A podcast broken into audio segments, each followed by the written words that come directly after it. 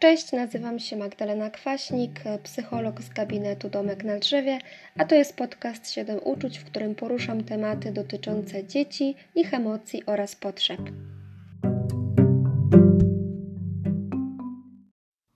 Przez kolejne tygodnie chciałabym troszkę opowiedzieć o rodzinie, dysfunkcjach, jakie mogą mieć miejsce oraz rolach, jakie pełnią w takich rodzinach dzieci. E, w związku z tym dzisiejszy podcast stanowi wprowadzenie do systemowego rozumienia rodziny, które jest kluczowe właśnie, by zrozumieć funkcjonowanie dzieci. Przede wszystkim e, w takim ujęciu systemowym rodzina jest rozumiana jako system naczyń połączonych. To znaczy, że rodzina posiada pewne właściwości, które są czymś więcej niż sumą części. E, dla przykładu, jeżeli weźmiemy sobie taką rodzinę Kowalskich, to ta rodzina Kowalskich to jest coś więcej niż osobowość Jasia Kowalskiego, czyli dziecka, taty Piotra i mamy Ani. E, w związku z tym zachowania Jasia nie możemy analizować w oddzieleniu od funkcjonowania całego systemu. I też nie możemy wnioskować o całym systemie rodzinnym na podstawie zachowania Jasia. Jeżeli Jasiu w ostatnim czasie mm, ma bardzo częste takie wybuchy gniewu, to trudno nam będzie je zrozumieć, jeżeli nie będziemy wiedzieli, jak rodzina na to reaguje i co tak naprawdę robi, gdy Jasiu ma ten wybuch złości. Dlatego bardzo często mówię rodzicom, że jeżeli chcą przyjść na konsultację z dzieckiem do psychologa, to muszą też się liczyć z tym, że psycholog może ich zapytać o kwestie związane właśnie z metodami wychowawczymi, czy w ogóle z takim codziennym podejściem do dziecka. Z kolei wybuchy złości tego naszego Jasia nie dają nam informacji na temat tego, jak funkcjonuje ta rodzina. Skoro mamy już ten system, to składa się on z tak zwanych podsystemów, czyli może być to podsystem rodzicielski, mama-tata, podsystem tata-dziecko, mama-dziecko czy dziecko-dziecko. Pomiędzy tymi podsystemami istnieją pewne granice, które różnią się stopniem przepuszczalności. Możemy tutaj e, z całą pewnością stwierdzić, że granice w podsystemie dziecko-dziecko będą bardziej przepuszczalne, bądź też e, powinny być bardziej przepuszczalne niż granice w podsystemie mama-dziecko czy tata-dziecko. Jeżeli rodzic powie do nastolatka, że ty nie decydujesz o tym, kiedy młodsze dzieci idą spać, albo ile czasu będą spędzać grając na telefonie czy oglądając telewizję, to jest to właśnie zaznaczenie granicy, że to jest zadanie podsystemu rodzicielskiego. Z kolei w sytuacji, kiedy rodzice poproszą nastolatka o zaopiekowanie się młodszym rodzeństwem, to będzie to właśnie chwilowe włączenie starszego dziecka w podsystem rodzicielski. Warto pamiętać o tym, że zależności, jakie mają miejsce w systemie rodzinnym, nie mają charakteru przyczynowo-skutkowego, tylko cyrkularny, czyli okrężny. To znaczy, że wszystkie elementy tego systemu na siebie oddziałują i wzajemnie na siebie wpływają. Gdybyśmy myśleli przyczynowo-skutkowo, to byśmy mogli stwierdzić, że jeżeli dziecko mm, choruje na depresję, to ta depresja powoduje, że jeden z rodziców musi zrezygnować z pracy, a to z kolei jest źródłem dużej frustracji i zmęczenia u drugiego rodzica. Natomiast w teorii mm, systemowego rozumienia rodziny interpretujemy to w ten sposób, że być może to, że rodzice pracują i nie mają czasu na kontakt z dzieckiem, spowodowało depresję, a z kolei depresja powoduje frustrację u rodziców, co zwrotnie oddziałuje na dziecko w niepożądany sposób. Czyli to, co się dzieje w diadzie małżeńskiej, czyli w parze, zwrotnie wpływa na funkcjonowanie tego dziecka, powodując zmęczenie, frustrację, niemoc, poczucie bezradności i pogłębiając tę depresję. E, mówimy o tym, że sprzężenia zwrotne, jakie występują w systemach rodzinnych, mogą mieć charakter wzmacniający tendencję do zmiany bądź też ją osłabiający. Takim wzmacniającym e, proces zmiany sprzężeniem zwrotnym może być sytuacja, w której młody dorosły chce się usamodzielnić, chce wynająć mieszkanie, chce znaleźć pracę i wówczas e, spotyka się z akceptacją tej decyzji przez osoby dorosłe i z takim wsparciem. Z kolei osłabiające sprzężenie zwrotne może wyglądać w ten sposób, że rodzice wysyłają takie komunikaty do tego młodego dorosłego, że ważne jest, żeby on jednak został w domu, żeby na przykład ich nie opuszczał, i żeby zrezygnował ze swojego planu na samodzielne życie. W systemie działają e, również takie dwie zasady, a mianowicie zasada ekwifinalności i ekwipotencjalności. Ta pierwsza określa, że tak naprawdę mm, wychodząc z różnych źródeł można dojść do takiego samego rezultatu. Czyli na przykład depresja dziecka może być konsekwencją braku czasu dla niego, e, trudności w relacjach z rówieśnikami, może być związana z takim poczuciem, że po prostu się nie nadaje, że, że nie jestem wartościową osobą. E, z kolei e, zasada ekwipotencjalności oznacza, że przyczyny mogą powodować różne skutki. Czyli załóżmy, mm, taka mała dostępność rodziców przez nadmiar pracy może spowodować właśnie depresję dziecka, czyli zamknięcie się w sobie, albo może spowodować to, że dziecko będzie szukało wsparcia i akceptacji u rówieśników i na przykład dołączy do jakiejś grupy, która będzie mu to dawała. To może być jakaś fajna grupa, e, czyli na przykład e, ludzie, którzy będą mieli podobne zainteresowania, podobne hobby, a może być też taka grupa, grupa rówieśnicza, która da temu dziecku akceptację, ale będzie stanowiła dla niego niebezpieczeństwo. Podstawową taką cechą każdego systemu rodzinnego jest to, że dąży on do homeostazy czy też równowagi, podobnie z naszym organizmem, który utrzymuje pewną stałość, na przykład stałą temperaturę ciała niezależnie od warunków atmosferycznych. Mm, I też mówimy tutaj o tak zwanym cyklu rodziny, czyli to znaczy, że rodzina ma pewne zadania do zrealizowania na każdym z etapów. W przypadku rodziny z małym dzieckiem, jednym z zadań będzie podołanie wyzwaniu opieki nad dzieckiem, przeorganizowanie swojego życia tak, aby dać temu dziecku opiekę i zaspokoić jego potrzeby. Z kolei zadaniem wynikającym bezpośrednio z fazy, w której znalazła się rodzina z nastolatkiem, będzie stopniowe pozwalanie na coraz większą niezależność temu nastolatkowi. Inna sytuacja, rodzina na etapie pustego gniazda będzie musiała się odnaleźć w sytuacji, kiedy dzieci wychodzą z domu, zakładają swoje rodziny. Wówczas jednym z zadań będzie zwrócenie się ponownie w kierunku relacji małżeńskiej tych e, dorosłych i na przykład konieczność opieki nad coraz starszymi swoimi rodzicami. Zasada jest taka, że jeżeli jest jakaś trudna sytuacja w rodzinie, to pojawiają się zachowania, które mają na celu utrzymanie tej równowagi.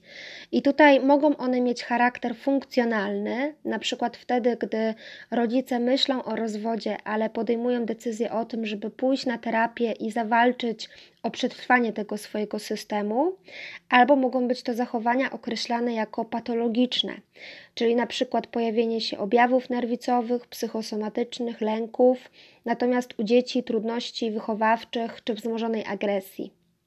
Przykładem takiego objawu może być zachowanie dziecka 6-7-letniego, które nagle zaczyna być bardzo agresywne, głośne, niemiłe, zaczynają się problemy wychowawcze, ponieważ na poziomie podświadomym to dziecko chce, aby rodzice, którzy są w trakcie rozwodu, je zauważyli i żeby połączył ich wysiłek na rzecz poprawy zachowania tego dziecka.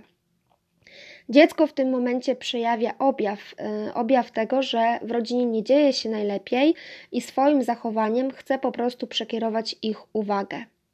Objaw jest y, sposobem na przystosowanie się do danej sytuacji. Objaw w postaci takiego trudnego zachowania dziecka może być wygodny dla, dla rodziców, w takim sensie, że pozwala odwrócić uwagę od innego problemu, który powiedzmy, że dzieje się w relacji małżeńskiej, czyli na przykład jeżeli mamy parę, e, która tkwi w takiej relacji dominacja-uległość i na przykład, tak może bardzo stereotypowo, ale kobieta jest bardzo podporządkowana, E, nie decyduje o niczym i rodzice zgłaszają się z dzieckiem do psychologa, ponieważ niepokoi ich jego zachowanie, to wówczas powiemy, że dziecko jest delegowane do bycia pacjentem. Czyli koncentracja na dziecku, na tym jak ono się zachowuje, pozwala odwrócić uwagę od relacji małżeńskiej i od przemocy psychicznej, która w tym związku ma miejsce. W związku z tym rodzicom nie będzie na rękę rozwiązanie problemu trudnych zachowań dziecka, bo mm, to daje im pewną korzyść. Oczywiście na poziomie takim świadomym czy obserwowanym przez nas możemy zauważyć, że rodzina dokłada wszelkich starań, żeby ten problem był rozwiązany, natomiast e, to się dzieje na poziomie podświadomym i te działania wynikają z pewnych wypartych doświadczeń. Podobnie jest w przypadku anoreksji, bulimii czy też innych zaburzeń odżywiania. W tym przypadku mówi się wręcz o pewnym wzorcu funkcjonowania rodziny. Z reguły są to rodziny, gdzie jest bardzo dużo konfliktów, gdzie opiekunowie cechują się taką postawą nadopiekuńczą i jest bardzo mocno kładziony nacisk na osiągnięcie sukcesu. Wówczas objaw w postaci zaburzeń odżywiania jest takim spoiwem, który, które utrzymuje system w ryzach.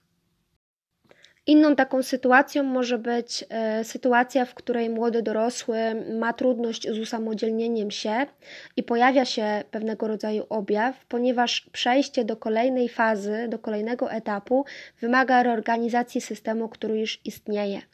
Rodzice, którzy nagle zaczynają mieszkać sami, bo ich dzieci się wyprowadziły, muszą na nowo ułożyć swoje życie, czyli chociażby znaleźć pasję, zainteresowania, wypełnić jakoś ten czas, który do tej pory był e, w większości poświęcony dzieciom. Kolejnym ważnym zagadnieniem e, z takiego systemowego punktu widzenia jest tak zwana triangulacja, czyli tworzenie się trójkąta. Dzieje się to wtedy, kiedy granice między tymi podsystemami, o których wspominałam, zostają przekroczone i na przykład dziecko staje się powiernikiem danego rodzica. E, zwłaszcza może dotyczyć to takich dzieci, które są nad wyraz dojrzałe, które mm, w opinii rodzica umieją słuchać, które bardzo dobrze rozpoznają emocje, wówczas taki rodzic może traktować to dziecko jako dorosłego i po prostu rozmawiać z nim o swoich e, problemach, tak jak z innym dorosłym. Tutaj przy okazji właśnie triangulacji możemy też mówić o takim mechanizmie wiązania, czyli to jest e, taka sytuacja, gdy osoba, zazwyczaj młody, dorosły, słyszy od swoich rodziców, czy od mamy, czy od taty, że tylko ty mnie rozumiesz, że nie możesz mnie zostawić, że ja sobie bez ciebie nie dam rady. I wówczas m, taka osoba m, staje przed takim bardzo poważnym dylematem w swoim życiu każdej rodzinie możemy powiedzieć o takim zbiorze takich niepisanych, niewypowiedzianych reguł czy zasad, które bardzo często wynikają z przekazu takiego międzypokoleniowego. To mogą być takie założenia odnośnie dziecka, że na przykład w czasie obiadu nie rozmawiamy, albo że dziecko może dopiero coś powiedzieć, kiedy zostanie o to poproszone, albo że wszystkie decyzje w sprawie dziecka są wyłącznie podejmowane przez rodziców. E, ważny jest też w rodzinie oczywiście sposób komunikacji i też możemy powiedzieć, że zarówno te zasady, które są w rodzinie, jak i sposób komunikacji składają się na pewnego rodzaju postawę, którą rodzice przejawiają wobec swoich dzieci. Każda postawa składa się z takich trzech elementów poznawczego, afektywnego i behawioralnego. Poznawczego, czyli co ja myślę na temat y, przedmiotu mojej postawy, czyli jako rodzic, co ja myślę na temat tego dziecka. Afektywnego, czyli jakie ja uczucie żywię wobec mojego dziecka, oraz behawioralnego, czyli jak się zachowuję w stosunku do mojego dziecka. I tych typologii postaw jest w psychologii bardzo dużo. Ja tutaj skorzystam z takiego rozróżnienia takiej e, psycholog Marii Ziemskiej, która mówi o tym, że do postaw właściwych należy akceptacja dziecka i jego potrzeb, czyli taki jasny przekaz, że dziecko jest przyjmowane takim, jakim jest, z jego fizycznością, osobowością i możliwościami umysłowymi. E, wówczas dziecko osiąga taką uczuciową niezależność, poczucie bezpieczeństwa i zadowolenie z własnego istnienia. Kolejną y, pozytywną postawą jest współdziałanie z dzieckiem, czyli takie pozytywne zaangażowanie i zainteresowanie rodziców sprawami dziecka. Rodzice są aktywni w podejmowaniu wzajemnych y, kontaktów z dziećmi. I kolejną e, pozytywną postawą jest rozumna swoboda, czyli dawanie dziecku odpowiedniej dla jego wieku swobody, a także uznanie praw dziecka w rodzinie jako równych, bez przeceniania czy też niedoceniania jego roli. E, ważne tutaj jest podkreślić, że oczekiwania rodziców wobec dziecka są dostosowane do jego możliwości wiekowych i rozwojowych.